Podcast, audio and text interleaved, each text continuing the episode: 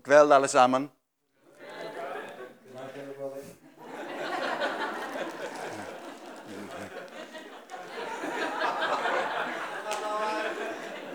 Goed dat go. Yes, yes. Jezus staat verdundelijk. Yes. Tussen tak van Martin.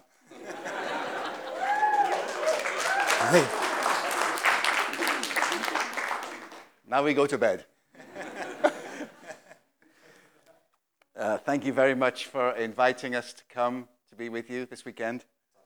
I was last here um, eight years ago with my son, and I loved it so much this time I brought my wife. But it, it's great to be back with you again. I think the last time uh, we saw many of you who were young married couples without children. Now you look a little bit older with lots of children. But God is good. And uh, we've been looking forward to coming this weekend. And uh, you'll be pleased to know that I'm not going to speak for very long tonight, because I know with young children, you like to sleep a lot when you can. So I, I'd like us to, to turn in the scripture, please, a verse that the Lord laid on my heart for you the night before last, about 3 o'clock in the morning. You must be very special people if the Lord wakes me up at 3 o'clock in the morning. he could have told me at 10 o'clock in the morning when I was awake. But he does a lot of things I don't understand these days. Colossians. How do you say that in Norwegian? Colossina. Yes. Colossina. Colossina. Capital 1. 1? I'm going to read uh, first 11 verses. Uh, no, a few more verses than that. 14 verses. I'll read slowly. Paul, an apostle of Christ Jesus by God's will, and Timothy, our brother. To the saints and faithful brothers and sisters in Christ in Colossae, grace to you and peace from God the Father. We always thank God the Father of our Lord Jesus Christ when we pray for you. For we have heard of your faith in Christ Jesus and of the love you have for all the saints because of the hope reserved for you in heaven. You've already heard about this hope in the message of truth, the gospel that's come to you. This gospel is bearing fruit and growing all over the world, just as it has among you since the day you heard it and recognize God's grace in the truth. You learned this from Epaphras, our much loved fellow slave. He's a faithful servant of the Messiah on your behalf. And he's told us all about your love in the Spirit. For this reason also, since the day we heard this, we haven't stopped praying for you. We're asking that you may be filled with the knowledge of his will in all wisdom and spiritual understanding, so that you may walk worthy of the Lord, fully pleasing to him, bearing fruit in every good work and growing in the knowledge of God. May you be strengthened with all power according to his glorious might, for all endurance and patience with joy, giving thanks to the Father who's enabled you to share in the saints' inheritance in the light. Because he has rescued us from the dominion of darkness and has transferred us into the kingdom of the Son he loves, in whom we have redemption, the forgiveness of sins. Amen. It reads as good in Norwegian as it does in English? Yes, Almost.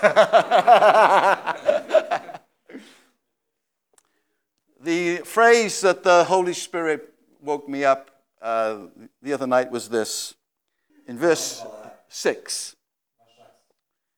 The gospel that has come to you is bearing fruit. Not will bear fruit, it is bearing fruit. And it's growing all over the world. The gospel is bearing fruit and it is growing all over the world.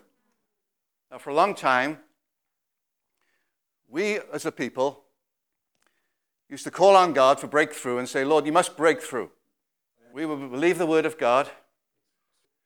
And, and we would hear of the great things that the gospel is doing in India and the East and Africa, the miracles and the signs and the wonders taking place. And we'd look at Wales and Europe and we say, Lord, when are you going to break through here? And the prophets would tell us, a time is coming, a time is on its way, days you've never seen yet. And another year would go by, and we say, Lord, when are you going to break through? And the prophets would say, Time is coming. but you know what? We don't pray like that anymore because the time has come. It's here now. Because the Bible says the gospel is bearing fruit all over the world. The kingdom that we belong to, the kingdom of God, is the greatest thing that's ever come on this earth. The rule and the reign of Jesus Christ is here now. You're in the kingdom now. The kingdom has come now. So we decided to stop asking God for a breakthrough. And we decided to be the breakthrough. Yeah. And you know what we are seeing now? In the last year, we have seen an increase in salvation, in healing, and miracles. And you've come back again. Wow. Did you feel convicted or? I'm not talking about India and Africa. I'm talking about Wales and North America and Norway. Things are happening now. I just want to tell you some of the things that we are seeing right now of lives have been transformed. Just a year, one year ago, a young lady who was an atheist, an intellectual atheist, who was at university in a town where we have a church in the UK, total atheist, didn't believe in God, but her life was a mess. She was sitting in an airport in Atlanta, Georgia, waiting to catch a flight home, and she found herself praying to God. She said, God, if you're real, you have to show me. One sentence. One week later, she was in a church meeting in this town in the, in the north of England, met Jesus. Met Jesus. Totally saved. I thought you'd like that one. one week, an atheist. One week later, she met Jesus Christ. Amen. And now she just loves laying hands on people, seeing them healed. She just got engaged to a young man who's in this church, who is 23 years old. For 20, for 20 years, he suffered from Crohn's, IBS, you call it? Eh, slet med noe greier. Yeah. It, it, it's bad in any language.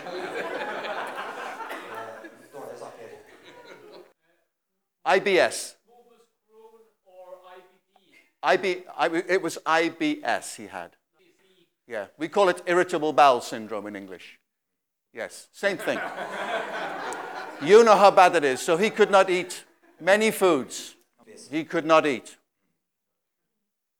And he had lots of prayer over many years. Nothing happened. Nothing. Many, many years, nothing.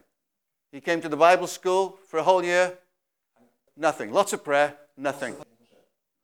He came to our Bible week this year, where we saw more healings and miracles in one week than I've seen in a long, long time. No, he wasn't healed. One week later, he was with his fiancee, this lady who just got saved last year, and they decided they were going to pray one more time. They prayed again. He felt no different, but he said, I'm going to have some pizza. He ate all the pizza. Then he drank a liter of milk. Normally, he would be very, very ill. He, Totally healed. Sounds like Jesus to me. Prayed many times praying. Well, why wasn't he healed five years ago? I don't know. But he's healed now. That's the clue. You celebrate the fact God is good. In three weeks, he put on five kilos.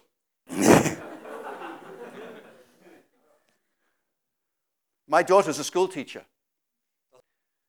And uh, there's another lady in the church who's a colleague. They work together. Last September, one year ago, a young lady came to work in their school as an assistant. Not a Christian, no interest in God. But she began to watch the friendship of my daughter and her friend. She watched them, watched them, watched them. After a couple of months, she began to open up to them. In March of this year, she gave her life to Jesus. She was baptized in water, baptized in the Holy Spirit, speaking in tongues, being discipled. And three weeks ago, she, ba- she began at the Bible school in Cardiff. He said, Well, lives are being transformed. In America, I met a couple uh, in May. In March of this year, his name is Brad. His wife's name is Stacy. He works on roofs. He, make, he, he does roofs. He's not a leader, not an elder, just a Christian. His wife was at a football game and she wasn't very well. And all of a sudden she collapsed. And she, had, she was paralyzed completely down her left side. She had a, had a stroke. Couldn't move at all. Totally paralyzed. There were many paramedics at this place. They took her to the hospital. They called her husband and they said, Your husband, your wife's in the hospital, so paralyzed down this side. Stroke. All the tests, a stroke. He said, I'm on my way. He went home, drove home to, to collect his Bible. He called the pastor of the church and said, My wife's had a stroke. Pastor said, I'm on my way. Brad said, No, I don't need you. Leave this to me. Why? Because we all get to play. In this kingdom, we all get to play. Not just apostles, not even elders. We all get to play. He drove to the hospital. His wife was there, took her by her paralyzed hand. He said, In the name of Jesus Christ, I command total recovery for your body. Within two minutes, she was getting feeling back in her hand. 24 hours later, she walked out completely healed. You like that one, Doc? The doctor likes that one? There's more. For 22 years, Stacy had been an insulin dependent diabetic. In the same moment, she was healed of that. Now, that's a miracle, isn't it? Yes, it is. That's a miracle. He wasn't an apostle, he wasn't an elder, he's a roofer. In this kingdom, the gospel is all over the world. At our Bible week this year, a couple of months ago, we had more people get out of wheelchairs who were crippled. We had people leaving crutches behind. We had people who couldn't see, who could see. Why? We stopped asking God for a breakthrough. And we decided to be the breakthrough. We decided to put our hands on people. And even if it didn't work the first time, we were going to try again. A friend of mine called Tom been partially deaf for many, many years, struggled with hearing for many years. Went to the Bible week. Other people were healed of deafness. Tom didn't get healed. What's wrong with God? Nothing wrong with God. Nothing wrong with Tom. On the Sunday after Bible week, we were having a testimony time with people sharing what the Lord had done for them. Tom comes forward. I want to give testimony. I went forward for- prayer at the Bible week for my deafness. And, every, and he said, But I didn't get healed. because there's no shame, there's no embarrassment, no fear. I didn't get healed. But he said, I know this. God is a good God, and I'm going to keep coming because God is a good God. And this gospel is all over the world. So the brother who's leading the meeting said, Well, let's pray again. Now. So he said, Who'd like to come and pray for Tom? So there was a whole load of people came. Laid hands on Tom, prayed for him, stood back. How is it, Tom? He said, "Mm, something's happening, but I'm not, I'm not healed. So some time ago, we, we would have said, well, fine, you go and sit down now. not now. Let's pray again. Prayed again. And you know what happened? Totally healed. Now you can say, why wasn't he healed first time? Why wasn't he healed in the Bible week? Why wasn't he healed many, many years ago? I don't know. But I know this. This gospel's going all over the world. That's a couple more, didn't I? Here. Oh, Stephanie. Just over a year ago in our city, there was a lady who'd been married to a husband for 20 years, a good marriage. She didn't, he, he was a, a financial advisor helping people with their investments. Not, not Christians at all. She was Roman Catholic, had a friend in, the church, in our church. She didn't know that he was in financial trouble and um, he was stealing money. Police got involved and he knew how bad it was. So he decided to kill himself. And because he loved Steph, he decided to kill her too. So he arranged a situation in which they were being gassed. They were in a tent in their garden. Carbon monoxide was coming into their tent. She had no idea what was going on. And she fell asleep. And all of a sudden, she heard a voice Get out of here. She felt something lift her up and throw her out of the tent. She landed in the garden, woke up, and then they, they called the ambulance, the hospital. She survived, and so did her husband.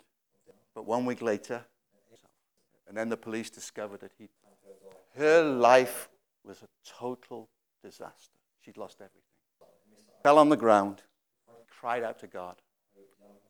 God, if you can help me, please help me. A friend from the church came, helped her through. A couple of months later said, Steph, you need to come to church. No, no, no, no. I, I couldn't face anything. And she made every excuse, even when the day she came to the church. She walked up to the door of the building, she said, I'm not going in here. And she came in and she sat there and she heard that Jesus loved her. And just a few months ago, she gave her life to Jesus, got baptized in water, got baptized in the Holy Spirit. Three weeks ago, her daughter got saved. She's been through breast cancer and has been healed of that. She'd suffered from asthma all her life, been in hospital over 100 times with asthma, totally healed. Why? Because the gospel all over the world. My last one I'm going to tell you happened in Norway, in Frekhaug. There's a little girl there born with severe allergies. Couldn't take milk at all. Milk, very strong allergy to milk. But some friends came to the house to have a meal, and they were sitting with the parents, and they said, We need to pray because the time's come for Jesus to heal Sophia. So they just gathered around and they prayed for her. And then they gave her a glass of milk. Drank all the milk. No effect at all. Next week they took her to the specialist. Totally healed. So the Lord also t- asked me to ask you a question. I'd like to take some stories away from Trondheim. So what? What's happening in Trondheim? Any stories from Trondheim? There was a very famous man, some of you will know of him, called John Wimber. Anybody ever heard of John Wimber? We're getting older now. John Wimber was a, in the 1970s and 80s, taught a lot and moved a lot in signs and wonders in California. And uh, when he started out for a whole year, one whole year he prayed, not one person was healed. Not one. and he got his apologies ready. So he'd pray and then he'd say, I'm sorry, it didn't work. And then after one year, he, I, think, I, I'm try, I think the lady was deaf. I can't remember exactly.